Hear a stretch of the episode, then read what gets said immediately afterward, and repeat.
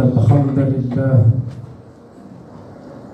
نحمده ونستعينه ونستغفره ونعوذ بالله من شرور أنفسنا ومن سيئات أعمالنا. من يهد الله فلا مضل له ومن يضلل فلا هادي له. أشهد أن لا إله إلا الله وحده لا شريك له. وأشهد أن محمدا عبده ورسوله لا نبي بعده.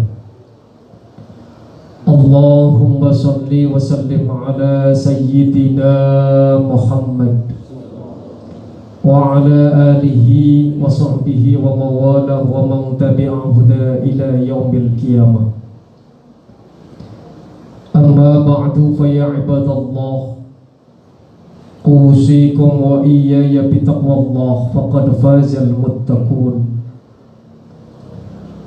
وقال الله تعالى في القرآن الكريم وهو أصدق القائلين أعوذ بالله من الشيطان الرجيم بسم الله الرحمن الرحيم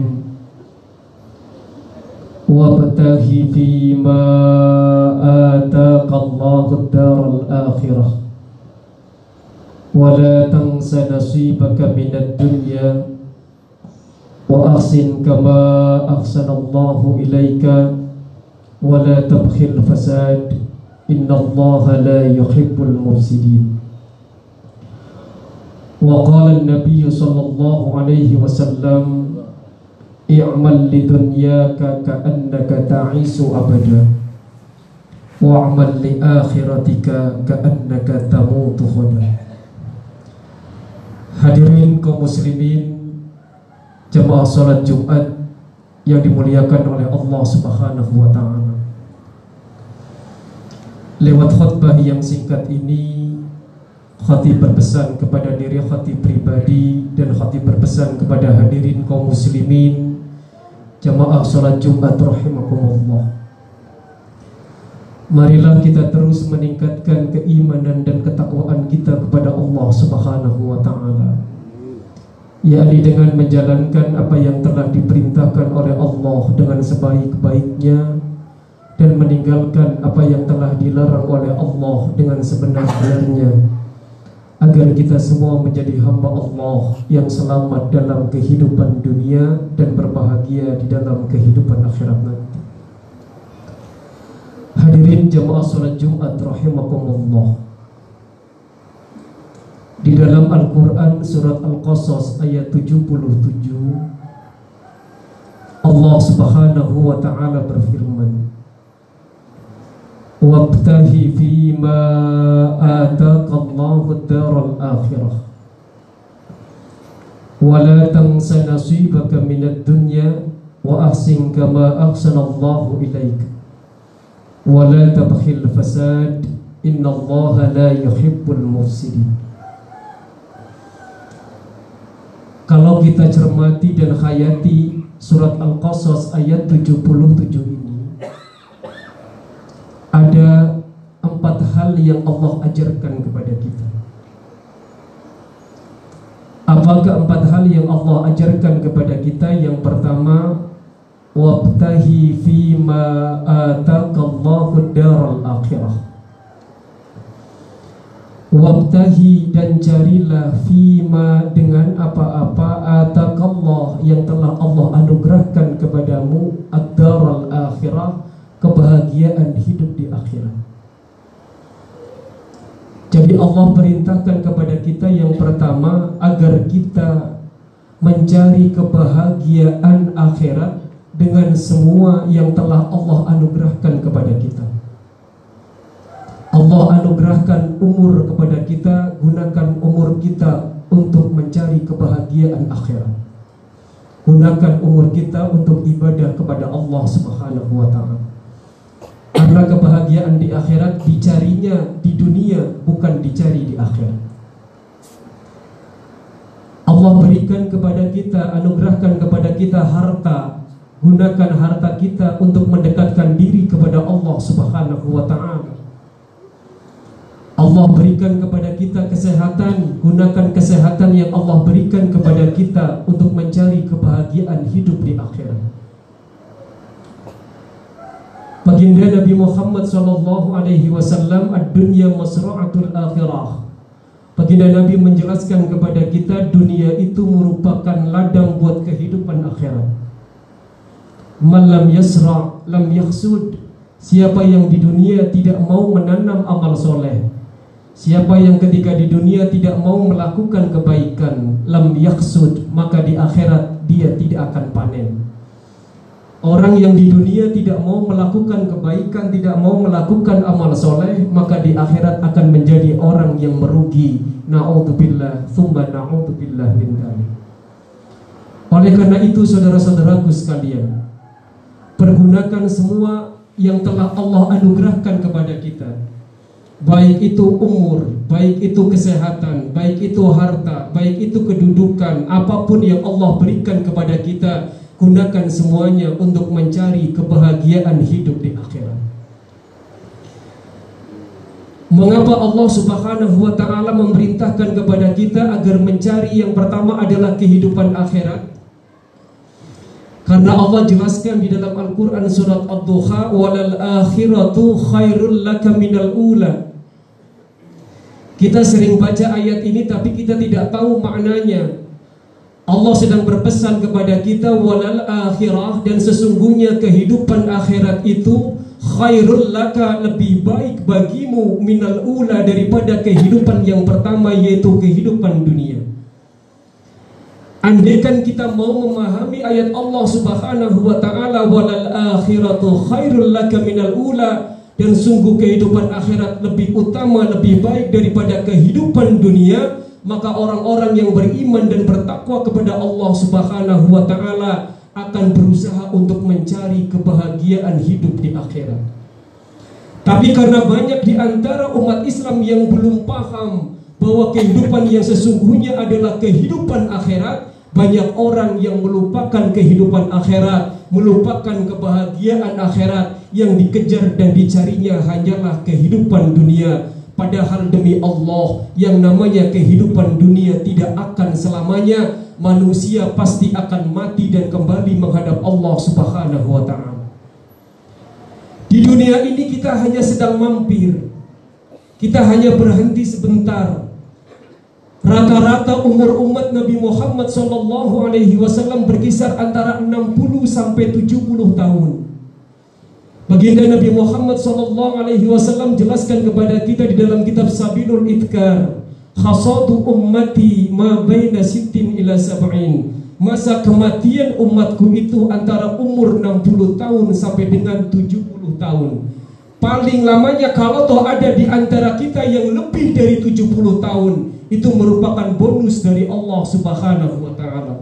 Karena itu saudara-saudaraku sekalian, tidak mendahului kehendak Allah Subhanahu wa taala. Selagi Allah masih berikan panjang umur kepada kita semua, selagi Allah masih berikan nikmat sehat kepada kita semua, selagi Allah masih berikan nikmat kesempatan kepada kita semua, gunakan semua nikmat itu sebagai ajang untuk kita mencari kebahagiaan hidup di akhirat karena kebahagiaan hidup di akhirat dicarinya sekarang di dunia bukan dicari di akhirat. Jangan sampai kita semua menjadi orang-orang yang merugi di akhirat. Na'udzubillah, thumma na'udzubillah min dalik. Allahumma ba'idna. Mudah-mudahan Allah berikan kekuatan kepada kita. Mudah-mudahan Allah berikan pertolongan kepada kita sehingga kita menjadi hamba Allah yang mampu mengumpulkan bekal buat nanti di kehidupan akhirat agar akhirat kita menjadi kehidupan yang bahagia. Amin ya Allah ya rabbal alamin. Hadirin kaum muslimin jemaah salat Jumat yang dirahmati oleh Allah Subhanahu wa taala. Setelah Allah perintahkan kepada kita yang pertama agar kita mencari kebahagiaan hidup di akhirat, Kemudian yang kedua baru kemudian Allah berfirman lanjutkan firman-Nya wala tansa nasibaka. Dan janganlah kamu lupakan kebahagiaan hidup di dunia. Baru kemudian Allah perintahkan kepada kita agar kita semua mencari kehidupan di dunia. Jangan lupa di dunia pun kamu harus bahagia. Karenanya Nabi Muhammad Sallallahu Alaihi Wasallam mengajarkan doa sabu jagat kepada kita. Rabbana atina fid dunya hasanah wa fil akhirati hasanah wa qina adzabannar. Rabbana ya Tuhan kami, atina anugerahkanlah kepada kami fid dunya hasanah kebaikan hidup di dunia wa fil akhirati hasanah dan anugerahkanlah kepada kami kebahagiaan hidup di akhirat Wakina dan pelihara kami ya Allah ada benar dari siksa api neraka. Ini adalah doa sabu jagat yang diajarkan oleh baginda Nabi Muhammad sallallahu alaihi wasallam agar kita menjadi hamba Allah yang bahagia dalam kehidupan dunia dan juga berbahagia di dalam kehidupan akhirat nanti. Tetapi ingat, di dunia ditujukan dan diajarkan oleh Allah Subhanahu wa taala niatkan semata-mata sebagai wasilah untuk mendekatkan diri kepada Allah agar kita semua bahagia di dalam kehidupan akhirat nanti. Wala tansa nasibaka minad dunya. Dan ada konsep yang diajarkan oleh baginda Nabi Muhammad dalam kehidupan dunia dan dalam kehidupan akhirat. Dalam sebuah hadis yang diriwayatkan oleh Ibnu Asakir, baginda Nabi Muhammad bersabda, i'mal lidunyaka ka'annaka ta'ishu abada wa'mal li akhiratika ka'annaka tamutu ghadan i'mal lidunyaka berusahalah kamu untuk urusan duniawimu ka'annaka ta'ishu abada. Seolah-olah engkau akan hidup selamanya. Karena kita akan hidup selamanya maka dalam urusan dunia tidak usah ngoyo. Jangan sampai kita mengejar dunia sampai lupa dengan kehidupan akhirat. Tetapi sebaliknya dalam urusan akhirat kata baginda Nabi Muhammad wasallam, "Wa'mal li akhiratika" dan berusahalah kamu untuk urusan akhiratmu ka'annaka tamutu hoda seolah-olah engkau akan mati besok pagi. Andaikan kita tahu bahwa besok pagi kita pasti akan mati dipanggil oleh Allah Subhanahu wa taala, maka apa yang akan kita persiapkan? Kita akan kumpulkan bekal sebanyak-banyaknya.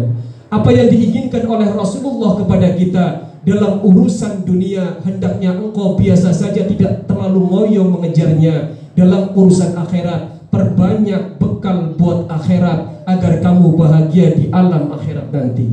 Karena orang yang mati menghadap Allah Subhanahu wa taala dengan tidak membawa bekal buat kehidupan akhirat, dengan tidak membawa amal soleh, maka orang itu akan celaka di akhirat. Sayyidina Abu Bakar As-Siddiq menjelaskan di dalam kitab Nasaihul Ibad. Man dakhala al-qabra bila zadin faka'annama raqibal bakhra bila safina. Siapa orang yang masuk ke dalam kubur dengan tidak membawa bekal amal soleh, faka'annama raqibal bakhra bila safina maka orang itu laksana nyeberangin lautan yang luas dan dalam tanpa perahu. Apa yang akan terjadi dengan orang yang menyeberangi lautan yang dalam tanpa perahu? Dia pasti akan tenggelam dan tidak akan pernah sampai ke tujuan. Apa makna kasarnya? Orang yang mati pulang menghadap Allah Subhanahu wa taala dengan tidak mempunyai bekal amal soleh maka dia akan menjadi orang yang celaka di alam kubur maupun nanti di alam akhirat. Na'udzubillah, thumma na'udzubillah min dalik. Allahumma ba'idna. Mudah-mudahan Allah jadikan kita semua orang-orang yang bahagia di dunia wal akhirah. Amin ya Allah ya rabbal alamin. Hadirin kaum muslimin yang dirahmati oleh Allah Subhanahu wa taala.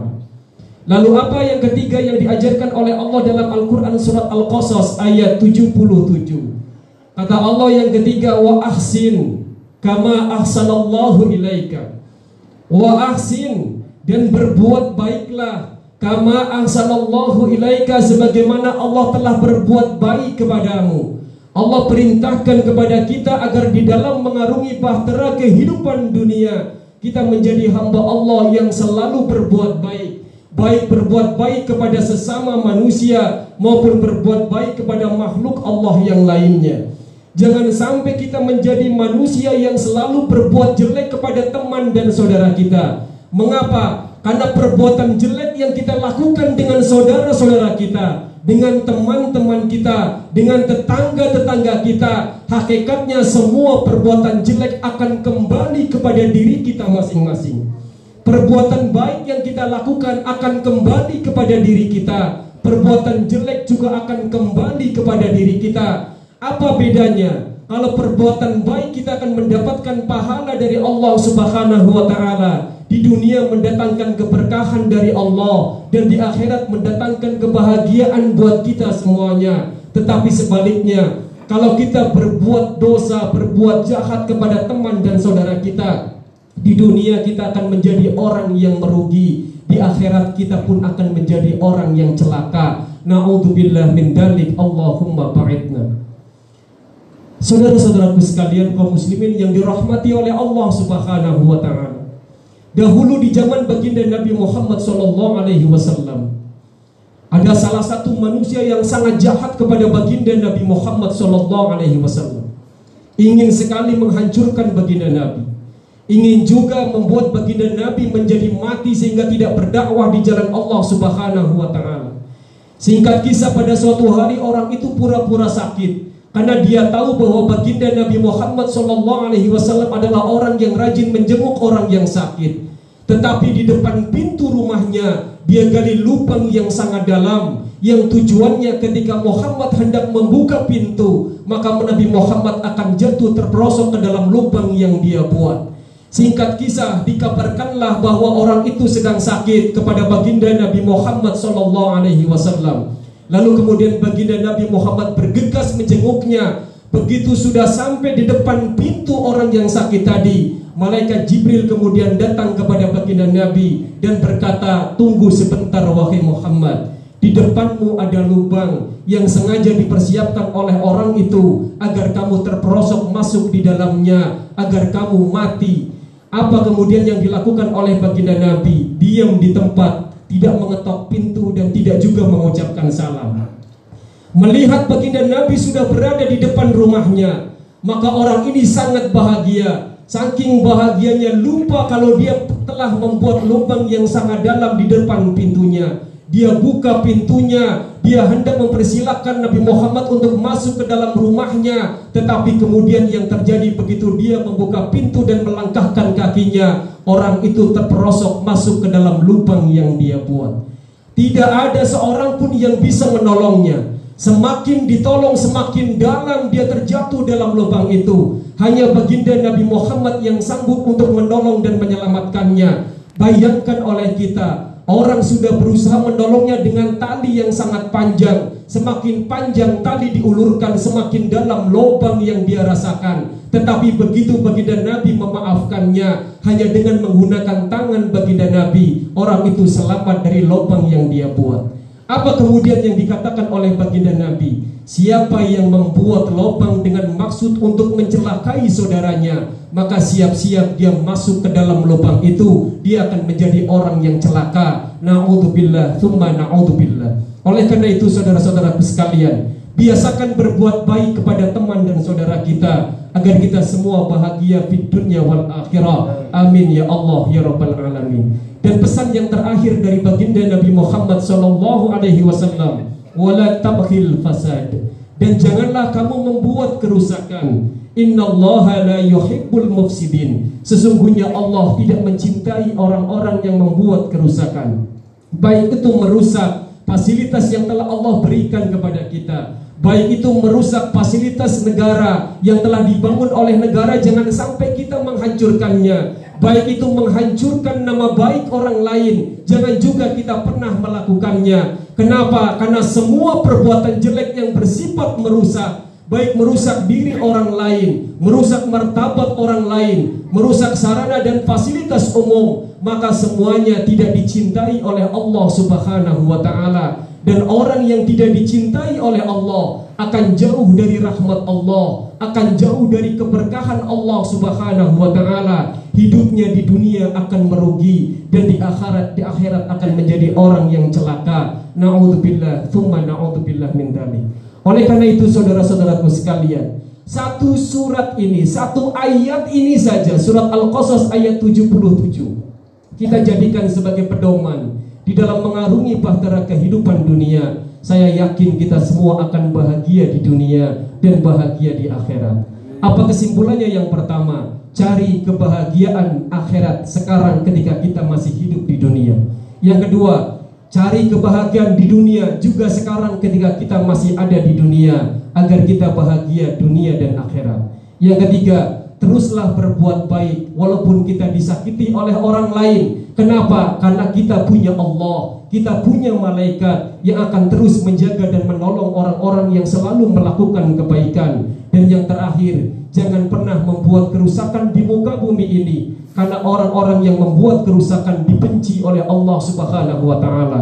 Orang yang dibenci oleh Allah jauh dari rahmat Allah, jauh dari berkah Allah, hidupnya akan merugi dunia dan akhirat. Nauzubillah, tsumma nauzubillah min dzalik. Mudah-mudahan Allah berikan kemampuan kepada kita sehingga kita mampu mengamalkan surat Al-Qasas ayat 77 dalam kehidupan kita sehari-hari agar kita semua bahagia dalam kehidupan dunia dan berbahagia di dalam kehidupan akhirat nanti. Mudah-mudahan ada manfaatnya buat kita semuanya. Barakallahu li wa lakum fil Qur'anil Karim wa nafa'ani wa iyyakum bima fihi minal ayati wa dzikril hakim wa taqabbala minni wa minkum tilawatahu innahu huwal ghafurur rahim.